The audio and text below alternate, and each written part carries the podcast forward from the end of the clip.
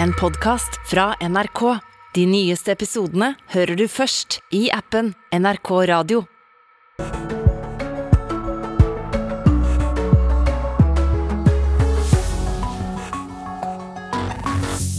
God onsdag 3. august eh, i dag. Klokka har passert sju med tre minutter, og dette er noen av overskriftene våre i Nyhetsmorgen. Regjeringen på Taiwan sier at landets militære beredskap er høynet etter at Kina varslet en serie militærøvelser i nærheten av øya. Det skjer etter at USAs kongressleder Nancy Pelosi kom til Taiwan i går. Sør-Norge kan få billigere strøm hvis Tyskland velger å starte opp igjen stengte atomkraftverk. Det sier kraftanalytiker. Og Arbeiderpartiordførerne fikk ingen konkrete løfter om nye støtteordninger eller tiltak etter møtet med statsministeren om strømprisene i går. Flere er nå fortvilt Det er nærmest et mareritt hvis det fortsetter med disse strømprisene uten at vi får eh, støtteordninger som treffer næringslivet. Ja, dette er altså Nyhetsmorgen på NRK, og jeg heter Ida Kjøstelsen. Vi starter på Taiwan, der regjeringen nå har høynet sin militære beredskap og sier at Kina er en trussel mot eh, verdensordenen. Kina sendte flere militære fly mot Taiwan da den amerikanske toppolitikeren Nancy Pelosi landet på øya i går. Pelosis besøk provoserer Kina og har ført til en spent stemning mellom verdens mektigste viktigste land. Thank you very much, Vice President Tsai, for your very warm words of welcome. Nancy Pelosi takker for den gode mottakinga hun har fått på Taiwan. 82 år gamle Pelosi er leder av den amerikanske kongressen, men i natt var det folk og lederskap i Taiwan som hun taler til. We commend Taiwan for being one of the freest societies Pelosi kaller Taiwan et av de frieste samfunnene i verden, og forsikrer at USA står fast ved deres side. Det var full jubel da Pelosis delegasjon svingte opp framfor hotellet i Taiwan i går kveld. Mange hadde møtt fram for å vise at de støtta Pelosi og USA. Vi er her for å se denne viktige historiske hendinga. Hun støtter demokrati, og hennes verdier er like våre, sier Abby Ting, som hadde møtt opp ved hotellet sammen med ei venninne. Men langt fra alle har vært like glade for besøket fra Pelosi. Taiwan er selvstyrt, men Kina insisterer på at Taiwan er en del av Kina, og de liker ikke at Pelosi viser støtte til regjeringa på øya. Så da Pelosi landa i går kveld, så sendte kineserne militærfly mot Taiwan, som en motreaksjon. Kina kaller besøket forkastelig, og i dag er den amerikanske ambassadøren kalla inn på teppet. I Washington så de seg nødde til å gå ut og forklare i natt. De gjentok nok en gang at besøket for Pelosi ikke markerer noen endring i USAs standpunkt. Acting, acting decades since the Taiwan Relations Act was Uh, Verken hun eller vi har endret standpunktet som vi har hatt i flere tiår, sier talsperson i Det hvite hus John Kirby om Pelosis besøk i Taiwan.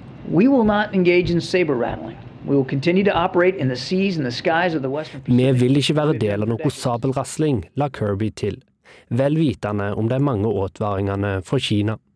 Han la også til at USA sin Eit-Kina-politikk ligger fast noe som betyr at USA verken støtter en taiwansk erklæring om uavhengighet, eller at Kina tar kontroll over øya ved bruk av makt. Ja, reporter her var Vegard Kjørhom. Og mm, situasjonen er altså svært spent akkurat nå rundt eh, besøket til kongressleder Nancy Pelosi. Og for å skjønne Kina-Taiwan-konflikten bedre, så har vi med oss professor i Kina-studier ved Universitetet i Oslo, Halvor Eifring, god morgen. God morgen. Hvordan vil du karakterisere forholdet mellom Kina og Taiwan akkurat nå? Det er svært spent akkurat nå, og det har det i grunnen vært ganske lenge. og det, Den spenningen har økt i de siste ja, årene, men særlig kanskje aller siste året. Eh, ved at Kina har i mye større grad enn tidligere, enda større grad enn tidligere, da bl.a. krenket det man kan kalle taiwansk luftrom, har eh, vært mye eh, sterkere i sine trusler i forhold til Taiwan enn tidligere Og eh, samtidig som det på Taiwan har vokst frem en mye sterkere eh, egen identitet, og hvor da jo også da de som eh, er valgt eh, til å styre Taiwan, er eh, formelt i hvert fall eh, for taiwansk uavhengighet, altså en erklæring om taiwansk uavhengighet. Det vil de nok ikke gjøre for ikke å provosere Kina, men det er noe av bakgrunnen for hvordan dagen er i dag, situasjonen er i dag. Og det vi har hørt nå, Eifring, at Kina skal gjennomføre militære operasjoner i hav- og landområdet rundt Taiwan, og Taiwan igjen høyner sin militære beredskap. Hvor stor er faren nå for at denne konflikten skal eskalere?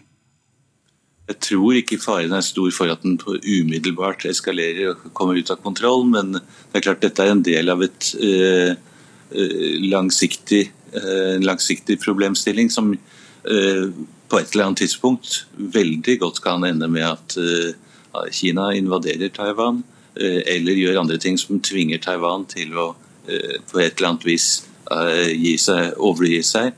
Sånn at her er det absolutt fare, men jeg tror ikke nødvendigvis at faren ligger akkurat nå i dagene som kommer. Hvordan har folk i Taiwan det nå? Vi har en krig i Europa eh, mellom Ukraina og Russland. Kan selvsagt ikke sammenlignes, men det er stor usikkerhet i verden akkurat nå? Det er stor usikkerhet i verden, og det gjelder eh, så avgjort også på Taiwan. Eh, og jeg tror eh, altså Det som viser seg, er at over lang tid altså Kina har jo vært en trussel i forhold til Taiwan, har truet Taiwan gjennom mange tiår. Sånn at eh, for befolkningen på Taiwan, er ikke dette noe nytt, annet enn at det er sterkere akkurat nå. Og det som viser seg er at Selv etter eh, Russlands invasjon av eh, Ukraina, så er det et godt flertall av taiwanske eh, innbyggere som ikke tror at Kina vil invadere. Og Det kan jo være naivt. så det, kan, det var mange som ikke trodde at Russland ville invadere Ukraina også. Men det sier noe om folkestemningen der, at man forholder seg til det som på en måte en støy som er der eh, konstant, og har vært det i mange tiår. Vi skjønner at besøket er viktig for Nancy Pelosi, eh, det har vi hørt de siste dagene. Men hvorfor, kan du forklare hvorfor Taiwan er så viktig for eh, USA? Ja, for det første, altså bare nevne det med Nancy Pelosi. Hun Har, det har av og til vært fremstilt som om hun gjør dette av hensyn til eh, valget i høst osv. Det, det tror jeg ikke du kan tenke deg. Altså, hun har hatt en god del eh, markeringer helt siden 90, eh, begynnelsen av 90-tallet, som på en måte markerer hennes forhold til, og opposisjonen i forhold til, Kinas harde linje både i forhold til Taiwan, i forhold til Hongkong, i forhold til uigurene i Xinjiang, i forhold til Tibet osv. Så videre, sånn at der syns jeg hun er, har vært veldig konsekvent. Også selvfølgelig med veldig sånne medievennlige opptrinn, som dette jo også kan sies å være. Men uh, i forhold til USA og i forhold til verden for øvrig, så skal vi også huske at Taiwan er en del av den demokratiske verden. Og et mye mer stabilt demokrati enn de fleste demokratier i Asia. Sånn at det er en viktig side av det. I tillegg så er det selvfølgelig militærstrategisk viktig for USA å markere at de støtter Taiwan og demokrati i en del av verden hvor eh, jo mange land føler seg truet av Kina. Ikke bare eh, Taiwan, men også mange andre som da blir presset konsekvent av Kina. Takk skal du ha for orienteringen, professor i Kinastudier ved Universitetet i Oslo, Halvor Eifring. Vi skal eh, hjem igjen. Sør-Norge kan få billigere strøm hvis Tyskland velger å starte opp igjen stengte atomkraftverk. Det sier en kraftanalytiker. Flere tyske politikere mener det ikke er mulig å gjenåpne stengte atomkraftverk, men nå sier en tysk ekspertforening til avisa Die Welt at det både er ufarlig og teknisk mulig å få tre kraftverk i gang igjen. Grundsätzlich sind die Kernkraftwerke in einem technisch sehr guten Zustand. Prinsipielt er atomkraftverkene i svært god teknisk stand, sier Joakim Bühler, direktøren for Tyvforeningen. Foreningen kontrollerer bl.a. atomkraftverk, og har gjort det klart at de tre verkene som ble stengt i desember, vil trygt kunne åpnes i løpet av uker eller måneder, dersom tyske politikere vil. Dette ville jo gitt ganske klare signaler inn i markedet, for det har vært ganske kategorisk eh, avvist at det har vært mulig eh, fram til nå. Det sier kraftanalytiker Tor Eier Lilleholt i Volue Insight. Nå har tyskerne tre atomkraftverk igjen, og de vil fase ut alle i løpet av året. Men om seks kraftverk sto på gjennom vinteren, ville også Sør-Norge, som er koblet på Tyskland med kraftkabel, få billigere strøm. Det vil hjelpe til, og det tilsvarer en produksjon som er halvparten av det man produserer i Norge. Så det er en vesentlig bidrag til at eh, man kan komme gjennom vinteren og denne kraftkrisa man har i Europa. Så det ville senke prisene både i Tyskland og også smitte inn i Sør-Norge.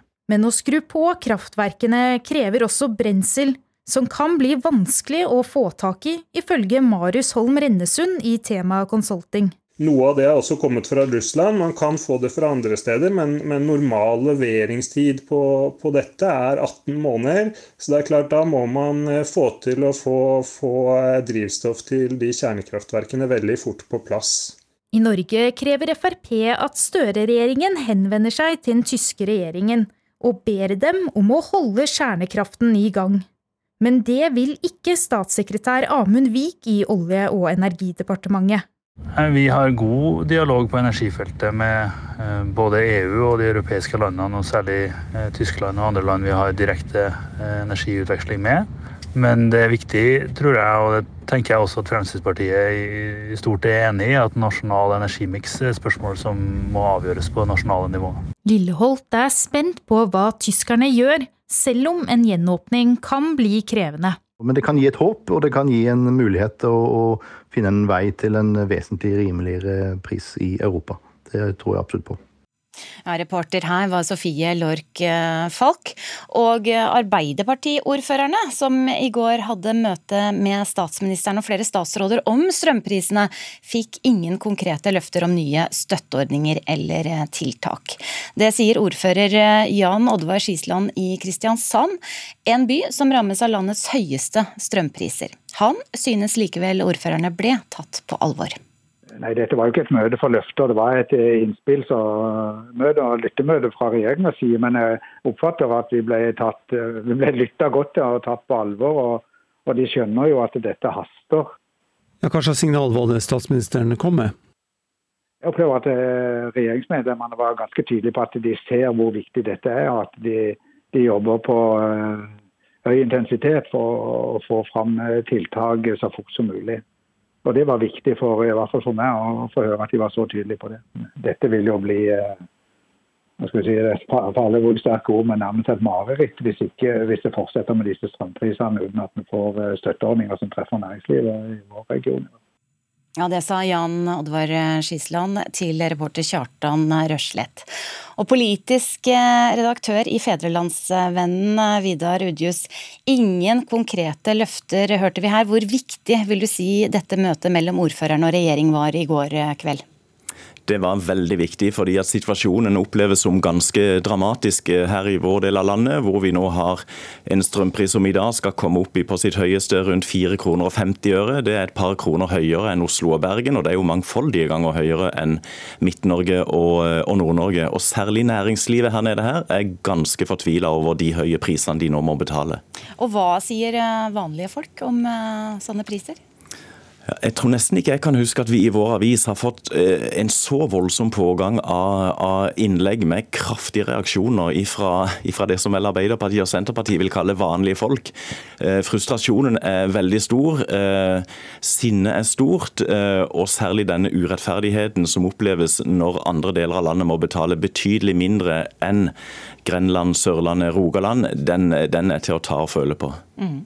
Flere ordførere, altså fagforeningsledere også, har sagt at strømprisene nå ikke er til å leve med. Hva er det de krever av egen regjering? Det har vært litt ulike punkter når det kommer til konkrete krav, men et felleskrav som ser ut til å gå igjen. Det er en eller annen form for makspris eller totalpris.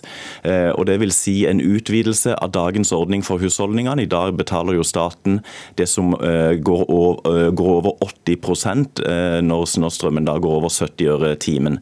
Hvis en øker det til 100% så vil en i praksis ha en makspris. Det er et krav som ser ut til å forene de, de aller fleste. og en makspris har ulemper. Den vil redusere insentivene til å spare strøm, men han vil samtidig slå tre fluer i en smekk ved at du utjevner noe forskjellene mellom eh, de forskjellige landsdelene i pris, og du vil også da hanke inn næringslivet.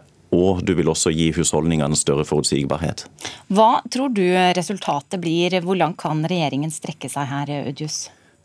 Jeg tror regjeringa kommer til å bevege seg i retning av en eller annen form for eh, makspris. og De siste dagene har jo, har jo både energiminister Terje Aasland og også statsminister Jonas Gahr Støre flere ganger tatt ordet makspris i sin munn, så jeg vil tro at eh, regjeringa beveger seg i retning av det i en eller annen form. Mm.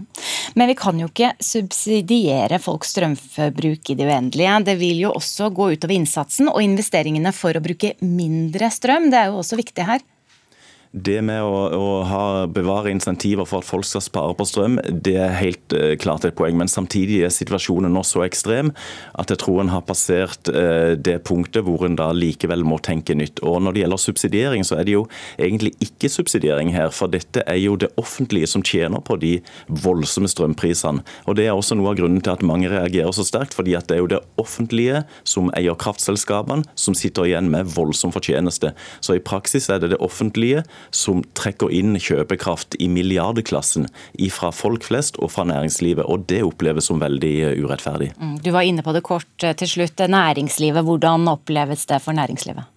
som dramatisk. Eh, ikke minst små og mellomstore bedrifter som har høye strømutgifter, enten det er slaktere eller konditorer eller andre som har store lokaler de er avhengige av å varme opp, eventuelt kjøle ned midt på sommeren, de sliter. Så der er situasjonen nokså ekstrem nå. Takk skal du ha, politisk redaktør i Fedrelandsvennen Vidar Udjus.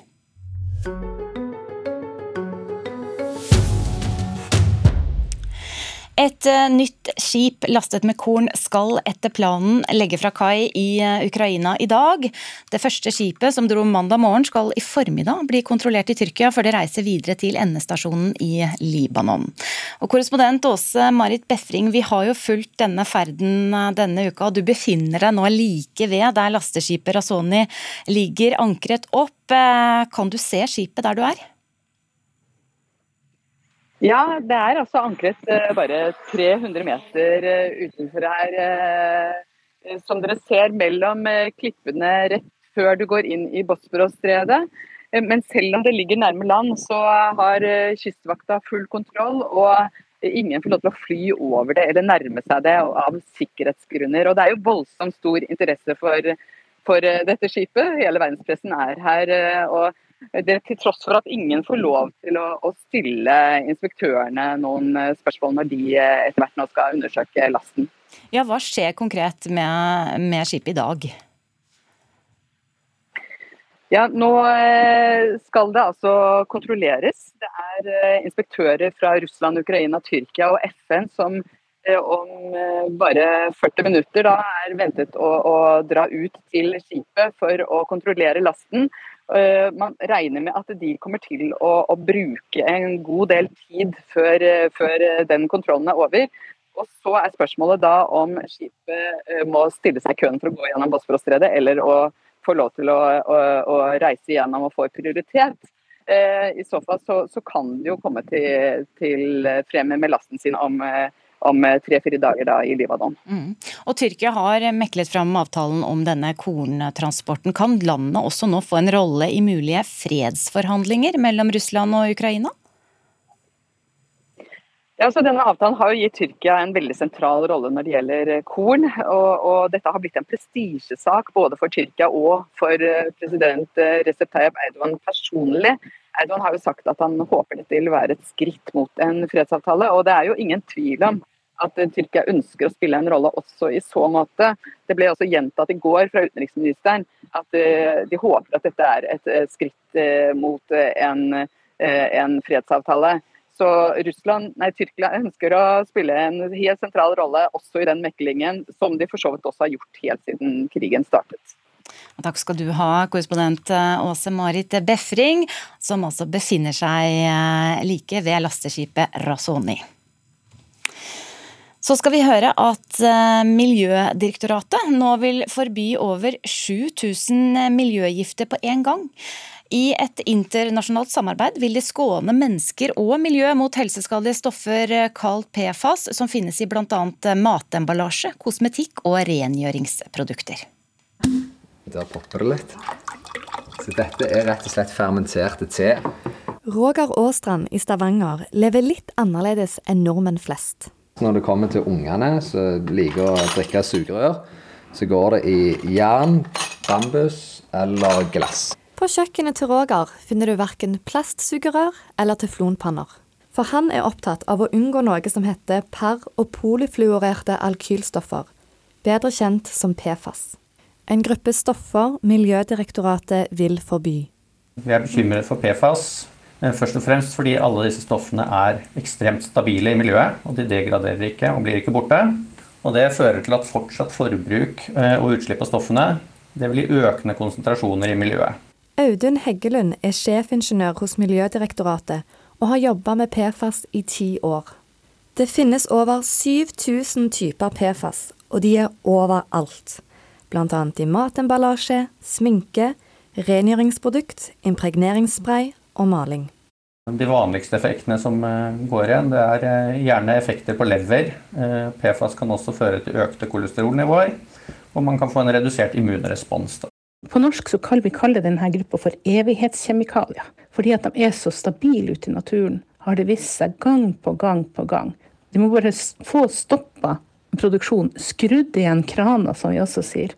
Linda Hansen er forsker ved NILU i Framsenteret, der hun forsker på miljøgifter. Hun mener at den typiske norske livsstilen gjør at vi blir ekstra utsatt for disse stoffene. Mange av de her miljøgiftene er jo ikke øh, kjemisk bundet i de stoffene, de er bare tilsatt, og de vil lekke ut. Og da komme over i, i husstøv, og så vil vi kunne puste det inn.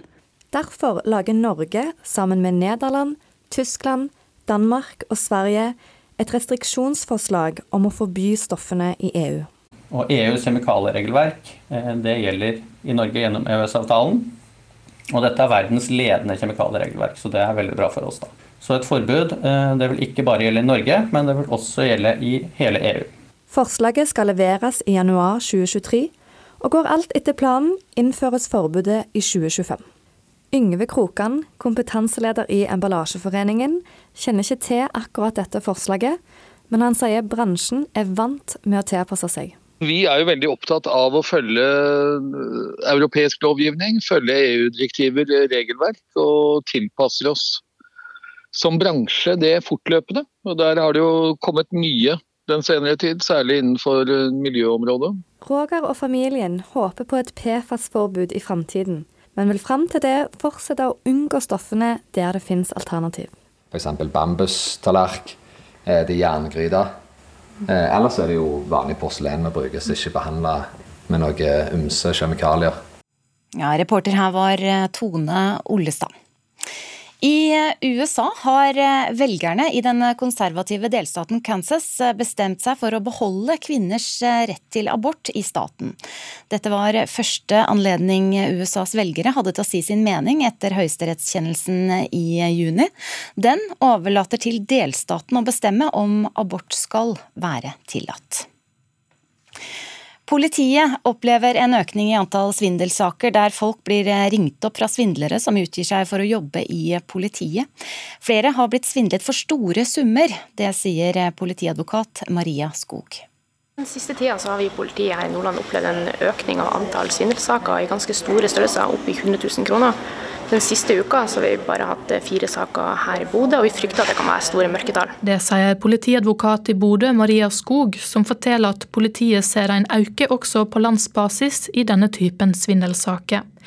Flere har endt opp med å gi ut kontoopplysningene sine til noen som utgir seg å være fra politiet eller Økokrim. Felles for disse sakene vi har fått inn i det siste, er at de forteller om at de blir oppringt av en mannsperson. Han sier at det haster og at han trenger informasjon. Han fremstår som troverdig og pågående. Og Det har da medført at det er flere som har gitt kontoopplysninger, som har gjenført dem blir svindla. Sebastian Takli i DNB er leder for arbeidet med å håndtere bedrageri mot kundene og konsernet. Han tror de kriminelle har forstått at det er en tilgjengelig måte å stjele mye penger på. Dette her er et område hvor vi så en økning på 568% i fjor på antall personer som gikk på. Eh, og det trykket som traff oss der i fjor sommer, det har rett og slett aldri gått over. Så det er fremdeles det som dominerer landskapet vårt. Takle kaller omfanget av denne typen bedrageri for et samfunnsproblem som alle i samfunnet må bidra med å løse. Bedragerier er ikke den kriminalitetsformen som nødvendigvis blir høyest prioritert. Eh, men den begynner å komme ganske høyt opp på listen over hvor mye skade den gjør, tror jeg. Hvis du er usikker på om det er politiet du snakker om på telefon, så bør du be om å få fullt navn på den du snakker med, og så sier du at du skal ringe tilbake via sentralbordet på 755 89 000. Ja, det sa politiadvokat Maria Skog. Reporter var Ingrid Gulbrandsen Årdal. Du følger Nyhetsmorgen på NRK. Straks blir det Dagsnytt 7.30 her. I reportasjen etter det så skal du få høre at eldre trener mye mer enn før. Straks skal du få møte en 88-åring som driver med høydehopp. Hvor lenge skal du holde på med dette, tenker du? Så lenge som kanskje helsa holder. Kan gjøre mitt til å ha ei bedre helse. Ja, og etter klokka åtte skal vi også snakke mer om de enorme transportutfordringene som venter i Svartehavet med korneksporten fra Ukraina. Men får man sendt ut alle skipslaster med korn, kan det være et lyspunkt i sikte for både kornprisene og for matvaresituasjonen i hele verden. Vi skal slippe til nyhetene her i NRK P2 og på NRK1 nå straks. Sommer i P2.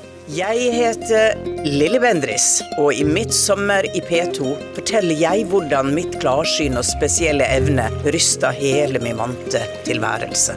Jeg er Mustafa Hassan. Hele Norge fulgte kampen min for å bli her i Norge. Det eneste landet jeg kjenner. Jeg er 19 år og kan først nå være trygg.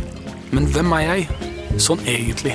Utvalgte gjester inviterer deg til én time med åpen, interessant og overraskende radio. Jeg er Vigdis Hjorth, er forfatter, og i mitt sommer i P2 forteller jeg om 30 dager i kvinnefengselet i Sandefjord. Sommer i P2 hver dag klokka ni og når du vil i appen NRK Radio.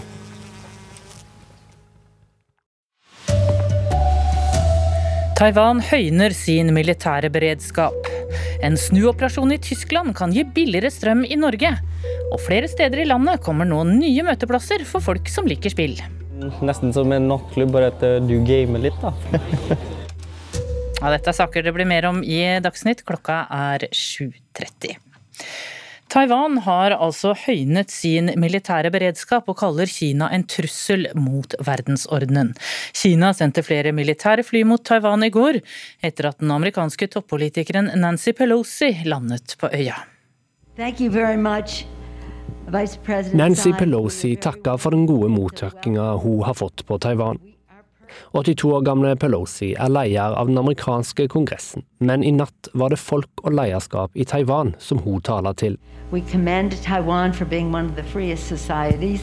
Uh, Pelosi kaller Taiwan et av de frieste samfunnene i verden, og forsikrer at USA står fast ved deres side. Mange hadde møtt opp utenfor hotellet til Pelosi for å vise at de støtter hun og besøker henne. Vi er her for å se denne viktige historiske hendinga. Hun støtter demokrati, og hennes verdier er like våre, sier Abby Ting, som hadde møtt opp ved hotellet sammen med ei venninne. Men langt fra alle har vært like glade for besøket fra Pelosi. Taiwan er selvstyrt, men Kina insisterer på at Taiwan er en del av Kina, og de liker ikke at Pelosi viser støtte til regjeringa på øya. Så da Pelosi landa i går kveld, så sendte kineserne militærfly mot Taiwan, som en motreaksjon. Kina kaller besøket forkastelig, og i dag er den amerikanske ambassadøren kalla inn på teppet. I Washington så de seg nødde til å gå ut og forklare i natt. De gjentok nok en gang at besøket for Pelosi ikke markerer noe endring i USAs standpunkt. Verken hun eller vi har endret standpunktet som vi har hatt i flere tiår, sier talsperson i Det hvite hus John Kirby om Pelosis besøk i Taiwan. We will not engage in saber rattling. We will continue to operate in the seas and the skies of the Western Vi vil ikke være del av noe sabelrasling, la Kirby til. Reporter her, Vegard Kjørom. Og spenningen mellom Kina og Taiwan har økt, spesielt det siste året. Det sier professor i Kinastudier ved Universitetet i Oslo, Halvor Eifring. Jeg tror ikke faren er stor for at den umiddelbart eskalerer og kommer ut av kontroll, men det er klart dette er en del av et eh, langsiktig, eh, langsiktig problemstilling som eh, på et eller annet tidspunkt veldig godt kan ende med at eh, Kina invaderer Taiwan, eller gjør andre ting som tvinger Taiwan til å på et eller annet vis gi seg, overgi seg. Sånn at her er det absolutt fare, men jeg tror ikke nødvendigvis at faren ligger akkurat nå i dagene som kommer. Sør-Norge kan få billigere strøm hvis Tyskland velger å starte opp igjen stengte atomkraftverk. Flere tyske politikere mener det ikke er mulig å gjenåpne stengte kraftverk, men nå sier en tysk ekspertforening til avisen Die Welt at det både er ufarlig og teknisk mulig å få tre atomkraftverk i gang igjen. Äh, Prinsipielt er atomkraftverkene i svært god teknisk stand, sier Joachim Bühler direktøren for Tyvforeningen. Foreningen kontrollerer bl.a. atomkraftverk, og har gjort det klart at de tre verkene som ble stengt i desember, vil trygt kunne åpnes i løpet av uker eller måneder, dersom tyske politikere vil. Dette ville jo gitt ganske klare signaler inn i markedet, for det har vært ganske kategorisk eh, avvist at det har vært mulig eh, fram til nå. Det sier kraftanalytiker Tor Eier Lilleholt i Volue Insight. Nå har tyskerne tre atomkraftverk igjen, og de vil fase ut alle i løpet av året. Men om seks kraftverk sto på gjennom vinteren, ville også Sør-Norge, som er koblet på Tyskland med kraftkabel, få billigere strøm. Det vil hjelpe til, og det tilsvarer en produksjon som er halvparten av det man produserer i Norge. Så det er en vesentlig bidrag til at eh, man kan komme gjennom vinteren og denne kraftkrisa man har i Europa. Så det ville senke prisene både i Tyskland og også smitte inn i Sør-Norge. I Norge krever Frp at Støre-regjeringen henvender seg til den tyske regjeringen og ber dem om å holde kjernekraften i gang. Men det vil ikke statssekretær Amund Vik i Olje- og energidepartementet. Det er viktig, tror jeg, og det tenker jeg også at Fremskrittspartiet i stort er enig i, at nasjonal energimiks er et spørsmål som må avgjøres på nasjonale nivå. Reporter i dette innslaget var Sofie Lork Falk. Det ble satt ny rekord i eksport av norsk sjømat i juli. Det forteller Norges sjømatråd nå på morgenen. I løpet av juli solgte vi sjømat til andre land for 11,6 milliarder kroner. Og julirekorden den kommer i tillegg til et veldig sterkt første halvår, reporter Johan Settem. Eh, ja, I første halvår så solgte vi fisk og sjømat til utlandet for større beløp enn noen gang før. Og det samme gjelder nå for eh, juli måned. Da ble det solgt eh, laks for nesten 9 milliarder kroner ut av landet.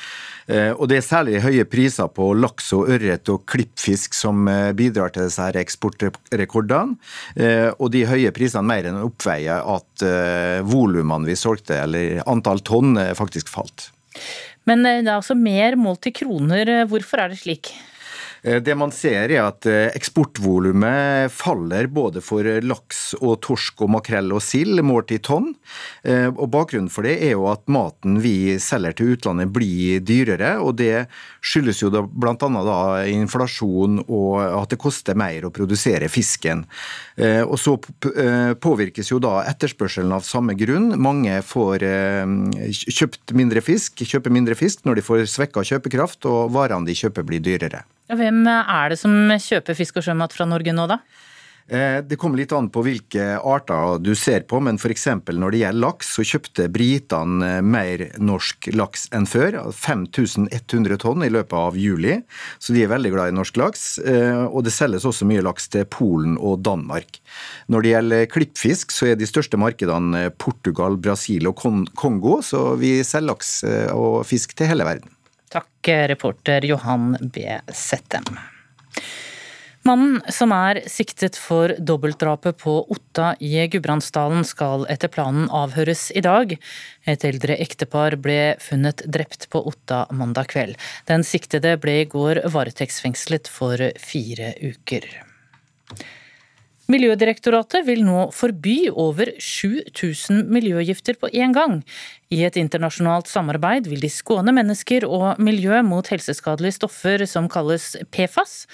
Disse stoffene finnes bl.a. i matemballasje, kosmetikk og rengjøringsprodukter. Yngve Krokan i Emballasjeforeningen sier han ikke vet hvordan dette vil påvirke medlemsbedriftene deres, men sier at de er vant til å tilpasse seg nye regler. Vi er jo veldig opptatt av å følge europeisk lovgivning, følge EU-direktiver, regelverk, og tilpasser oss som bransje det fortløpende. Og Der har det jo kommet mye den senere tid, særlig innenfor miljøområdet. Forslaget skal leveres til det europeiske kjemikaliebyrået i januar neste år. Og går alt etter planen, så blir disse stoffene forbudt i 2025. Flere steder i Norge er sentre for e-sport og spill i ferd med å bli populære samlingssteder. Å dra på slike spillsentre for å leie PC og, dat og spille dataspill er vanlig andre steder i verden, og nå satser flere på det samme i Norge, bl.a. Jotunheimen i Trondheim. Det er nesten som en nattklubb, bare at eh, du gamer litt da, for gamere. Jotunheimen åpnet dørene i fjor, og siden da har Alex Hole, en av eierne, vært vitne til en helt unik sosial arena. Så Det å bare klare å gi en liten high five og liksom tommel opp og bra jobba, eller du kan også selvfølgelig gå i den motsatte retningen og spørre hva er det du holder på med. Det er det sosiale som er viktig her. Et par tastetrykk her, en innlogging der. Så kan spillerne fyre løs med egne spill, eller ta i bruk gratistitler. Solid. Her kan jo den på seks år kan spille på lag med den som er 40 år. Den som sitter i rullestol kan være med her. Damer, menn, uansett etnisitet. Spillanmelder i NRK, Rune Fjell Olsen, har lagt merke til at spillsenteret allerede har hatt en stor suksess i utlandet. Ja, vi ser jo i eh, Japan, og da særlig de store byene, Tokyo osv., så, videre, så så bor jo folk ganske trangt. Og Der har jo internettkafeer og spillkafeer blitt utrolig viktig for folk. Han mener dessuten at lokalene kan bli en viktig grobunn for andre grener innen spill. Gamingsentrene i Norge har jo en litt sånn unik mulighet til å bli et litt sånn senter for spillkultur. Ikke bare et sted hvor man møtes for å spille sammen. Og Det er jo et ansvar jeg håper disse sentrene tar litt på alvor. Reportere her var Ina Sletten og Samuel Berntsen. Ansvarlig for Dagsnytt i dag er Thomas Alvarstein Ove. Her i studio Tone Nordahl.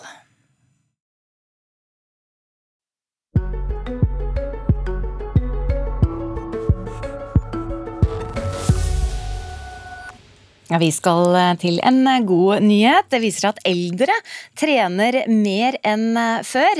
Likevel syns treningsekspert Yngvar Andersen at enda flere pensjonister burde komme i gang med trening. En av dem som ofte trener, er 88 år gamle Ragnhild Hanstvedt fra Osterøy i Vestland. Hun er rå, bl.a. i høydehopp, og har vunnet mange medaljer som friidrettsutøver. Ja, Spania Tyskland og eh, Danmark. Regione i Italia. Hun viser fram medaljer fra flere tiår som friidrettsutøver. Annet tok hun bronse i sjukamp i VM for veteraner i Australia. Jeg vant 800 meter. Eh, men eh, de andre så jeg så dårlig på hekk. For jeg begynte altfor seint med hekk. Så da dro jeg jo veldig ned. Men det var jo folk fra hele verden jeg konkurrerte med, så, så var, de er veldig gode. 88 år gamle Ragnhild Hanstvedt fra Osterøy er blind på det ene øyet. I tillegg har hun hatt slag og vært gjennom flere operasjoner. Likevel trener hun utendørs tre ganger i veka og gjør øvinger inne hver eneste dag. Jeg syns det er kjekt å trene. Men, eh, eh, og så føler du deg jo mye bedre. Og når du står inne på en fabrikk og jobber i mange år, så har du veldig godt til å komme ut. Og jeg følte jo da at om jeg hadde jobba mye hele dagen i fabrikken og hjemme og åt litt og hvilte Ut og en joggetur, det var jo Jeg følte jeg fikk mye eh, energi til å løpe og gjøre sånne ting. Treningsekspert Yngvar Andersen er imponert over Ragnhild. Jeg tenker at Ragnhild er jo et eh, kjempegodt eksempel på at en kan få til veldig mye til tross for at en eh, har en del hindringer. En kan få det til, det koster litt mer, det krever litt mer, men gevinsten den er jo formidabel. Eh, og Da er det jo ren livskvalitet det kan handle om. ikke sant? Vaske, støvsuge, gå på butikken, orke å reise, f.eks. sitte på tog eller fly. Så, så, mulighetene for å leve det gode liv de øker med, med bedre form. Tall fra Statistisk sentralbyrå viser at det er flere eldre enn før som trener. Men fortsatt sier hver femte pensjonist at de ikke trener i det hele tatt. De eldre har blitt flinkere til å trene pga. at kunnskapen om effekten eh, de gjør på livet, altså her og nå for de eh, som er kanskje 70 pluss, den, eh, den når de, og de kjenner det. Jeg tenker Det er ganske enkelt å, å gi et råd om en ikke har trent på både 30 og 50 år. Eh, forskningen er helt klar. Eh, om du så er 90 og har vært inaktiv lenge, så er framgangen formidabel, og den er faktisk gjerne like stor som om du er 20. Ja, Du må satse på riktig fot, og du må satse riktig og, og sånn. Og det er vel ikke noe selvfølgelig å få til for 88-åringer. På idrettsanlegget i heimbygda Fotlandsvåg gjør Ragnhild seg klar for høgdehopp. Men hun legger ikke lista så høyt som før.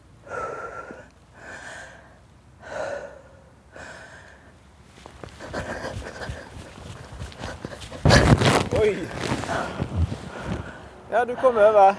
Ja, jeg gjorde det. Hvor lenge skal du holde på med dette, tenker du? Ja, så lenge som kanskje helsa holder. Det rår ikke jeg med. Men jeg kan gjøre mitt til å ha ei bedre helse. Så lenge som mulig, da? Så lenge som mulig, ja. ja. Og det er jo gøy å holde på med dette her. Ja, friidrettsutøver Ragnhild Hanstvedt der altså, på 88. Eksempel til etterfølgelse, kanskje ikke for alle. Reporter her var Åge Algerøy.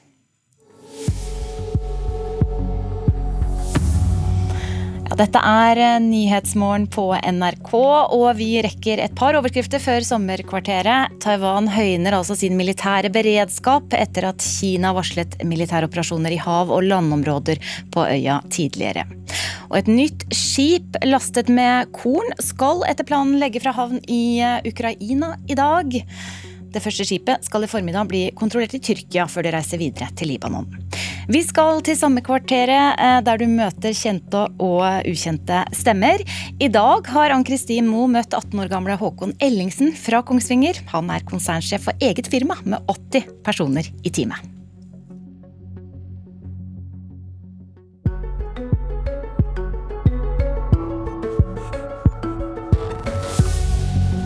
Så her er det da det som skal bli de nye lokalene til Ellingsen Group. Håkon Ellingsen, 18 år, konsernsjef. Han har skapt selskapet Ellingsen Group, som består av et team på nesten 80 personer fra store deler av verden. De jobber bl.a. med utvikling og design for andre selskaper. I disse dager flytter han hovedkontoret fra gutterommet til nybygde lokaler på 250 kvadratmeter i hjembyen Kongsvinger i Innlandet. Så det er jo god plass. Det er veldig god plass. Vi har tenkt å fylle de lokalene her med talentfulle utviklere og designere som tiden går. Nå har vi jo som for det meste et internasjonalt team, men vi eh, kommer etter hvert til å rekruttere flere lokale. Hva skulle det vært hvis du ikke hadde vært det du er i dag? Filosof eller eh, programmerer. Filosofi fordi det er spennende, og eh, programmering fordi det, da bygger man fremtiden. Men akkurat nå er han godt fornøyd med å være 18 år og sjef for eget konsern. Og han begynte tidlig. Han utviklet et spillkasino da han var 12. Ja, det var et spill som het, eh, heter Counter-Strike Global Offensive. Og i det spillet så hadde man digitale gjenstander. Og de gjenstandene de hadde, en, hadde da en verdi, en ekte verdi som folk var villige til å betale. Så det man gjorde da, var at man lagde kasinoer hvor man da kunne rett og slett gamble til gjenstandene. Og det gjorde jeg da. Laget et spillkasino. Da han var 14 år, tjente han sine første penger på å selge en nettside for 10 000 dollar. Høsten 2020 var han klar for å starte firma etter å ha drevet med dette i det stille på gutterommet. Mamma visste ingenting. Eh, det som faktisk er morsomt, er jo at eh, den dagen vi bestemte oss, da var jeg på Klosserinnovasjon. Og da bestemte vi oss for å gjøre den ideen jeg hadde bygd opp på gutterommet, til, til et registrert foretak.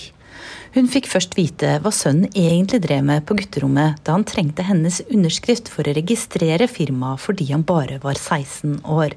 Så da ble vel mamma egentlig bare innkalt, og visste egentlig ingenting. Men så satt hun der og ble presentert for alt det vi hadde bygd opp. Ble hun overraska, eller? Hun ble sjokkert, så hun visste ingenting. Her skal det være boblebad. Jeg gir meg ikke på boblebad. Vi skal ha boblebad eh, på kontoret. Hva andre ting skal være i kontorlokalene som nå er helt tomme? Det er et godt spørsmål. Vi må jo ha litt eh, produktive ting her, selvfølgelig. Men uh, kanskje noen pingpongbord og litt annet. Vi må jo ha det, ha det litt gøy også. Hvor viktig er det å ha det gøy? Å ha det gøy er jo alt. Det tror jeg kanskje er noe av det som tiltrekker folk til å delta i bedriften vår også. Det er det at man har det veldig gøy. Man er på en reise. Vi jobber ikke, vi har det gøy. Da pandemien kom og han havnet på hjemmeskole, laget han en robot som gjorde at han kunne jobbe i fred med drømmen om et konsern. Da var han 15 år og gikk i 10. klasse på ungdomsskolen. Det er da en maskin som eh, deltok på teamsamtalene. Så når læreren da kalte oss inn, så var Håkon Ellingsen i samtalen. Eh, teknisk sett, men eh, i realiteten så var ikke Håkon Ellingsen der. Da drev han med andre ting. Lærerne de merka ingenting. Men du drev med firma? Jeg drev og bygde, bygde Ellingsen Group, så kanskje hvis noen av lærerne hører på nå, så kanskje de tenker ja, dæven, jeg syns han var litt stille. Håkon Ellingsen tror ikke at konsernet hadde vært der det er i dag hvis det ikke hadde vært for pandemien. Pandemien er jo mye av grunnen til at Ellingsen Group har blitt skapt. Da pandemien inntraff, så kom jo lockdownen.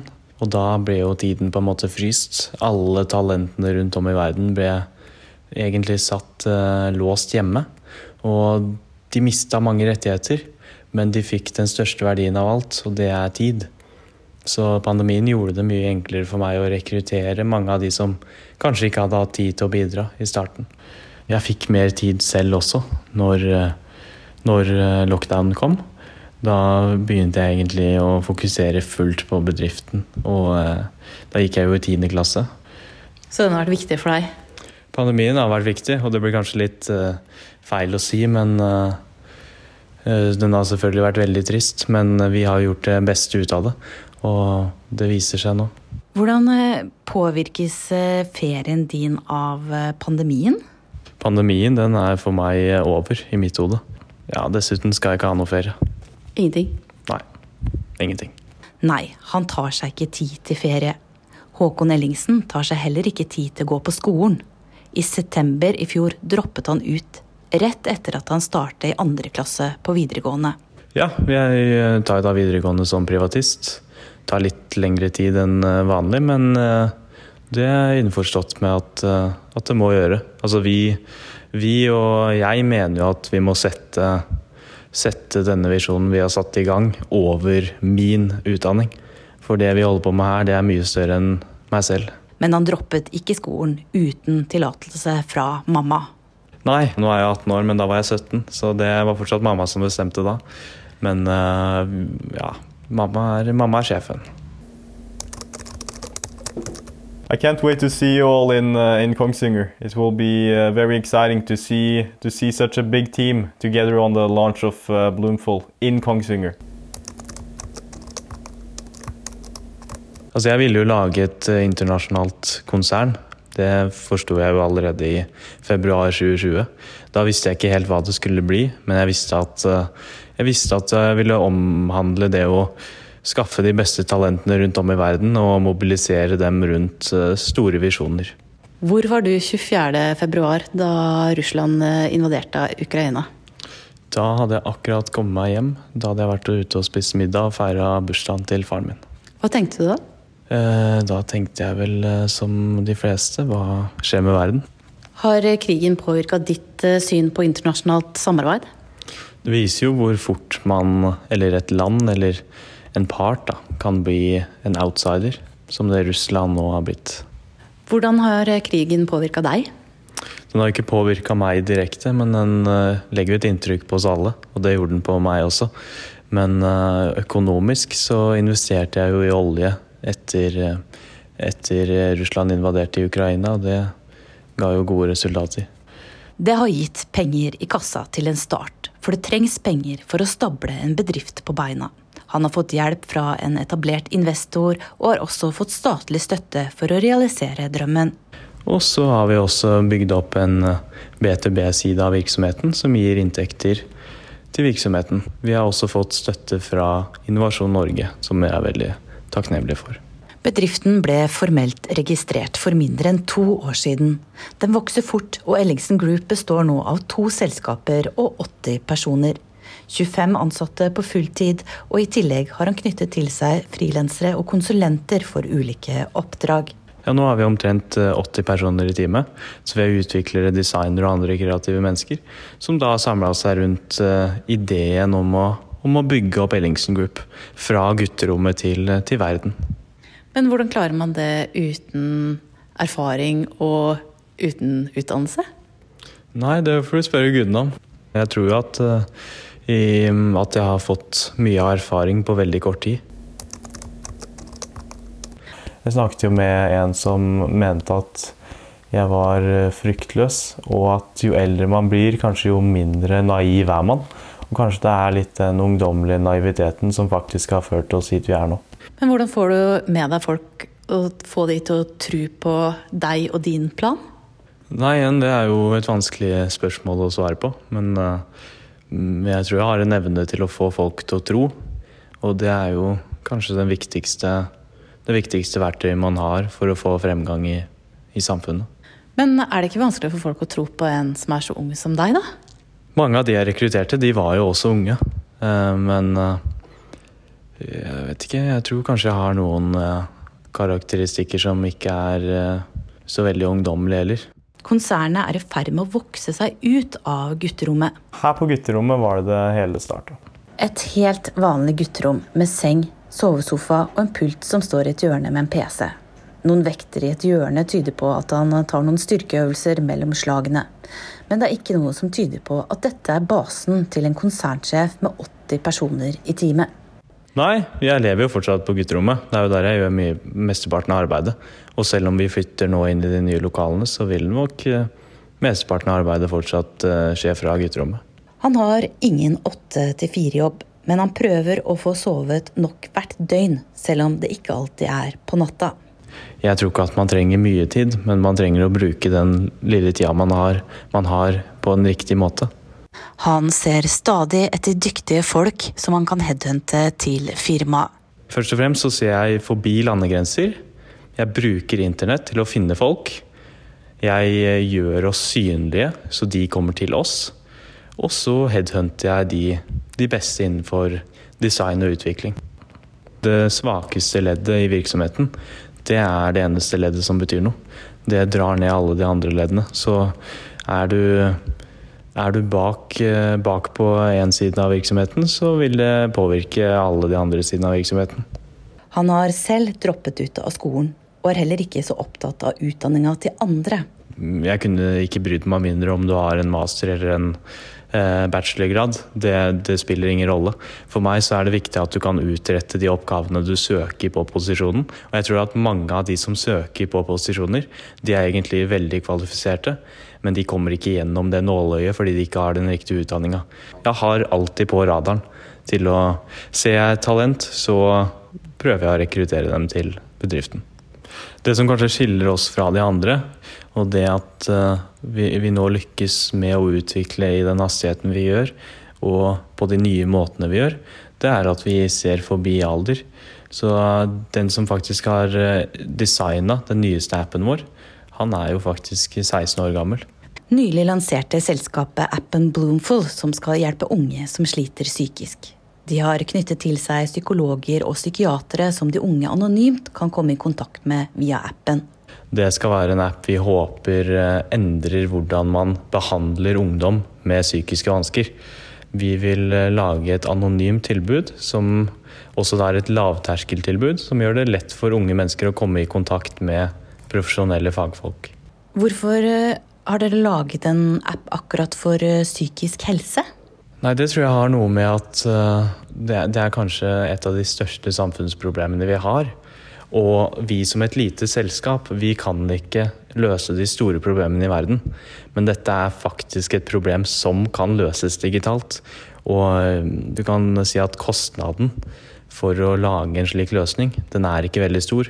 Så vi syns jo, jo, det er veldig spesielt da, at ikke andre har lagd lignende løsninger før. Eh, og at det offentlige ikke satser mer på digitale løsninger. Så vi, vi, tror, at, eh, vi tror at Bloomfold kan virkelig løse et stort samfunnsproblem og sette i gang det vi kaller en dominoeffekt, hvor andre aktører og til og med det offentlige følger etter. Hjembyen Kongsvinger betyr mye for Håkon Ellingsen. Vi, eh, vi, vil ha Kongsvinger som anker, uansett om de vi rekrutterer er fra USA, Nederland eller India. Det, det er Kongsvinger som skal være hovedkvarter for Ellingsen Group. Sånn vil det alltid være. Er det viktig for deg? Det er veldig viktig. Den byen har gitt meg mye. og Vi skal, vi skal være med å bygge opp, bygge opp, byen. På hvilken måte vil du være med å bygge opp byen? Vi vil være med å bygge opp byen ved å gi arbeidsplasser til de som allerede er her. Men også, til, også hjelpe til med vekst ved å rekruttere da veldig kvalifiserte og ettertrakta folk til byen. Hva er den store drømmen og det store målet? Den store drømmen og det store, hårete målet, det er vel å gjenskape internett og gi det til folket. Hva betyr det? Det handler om å lage først og fremst løsninger som hjelper folk, ikke som skaper problemer og manipulerer folk til å benytte seg av det. Det er jo mange av de digitale plattformene som blir skapt i dag, det skaper jo f.eks. Eh, problemer med mental helse. Så vi vil prøve å lage det vi kaller net positive innovations. Altså at det kun skal være gode eh, påvirkninger av det vi lager. Han er full av iver og pågangsmot til å satse videre. Jeg er bare 18 år gammel, men eh, jeg tror jo at det vi har klart å bygge opp på to år, det vil ikke være noen sammenligning med det vi skal gjøre de neste to årene. Altså, vi har jo tusenvis av ideer på tegnebrettet. Og en av frasene vi bruker ofte, er jo at 'true imagination is limitless'. Det er Vi har null grenser. Den eneste grensen, det er hvor stort vi har, vi har tenkt å drømme. Og hvor, hvor villige vi er til å utføre de drømmene.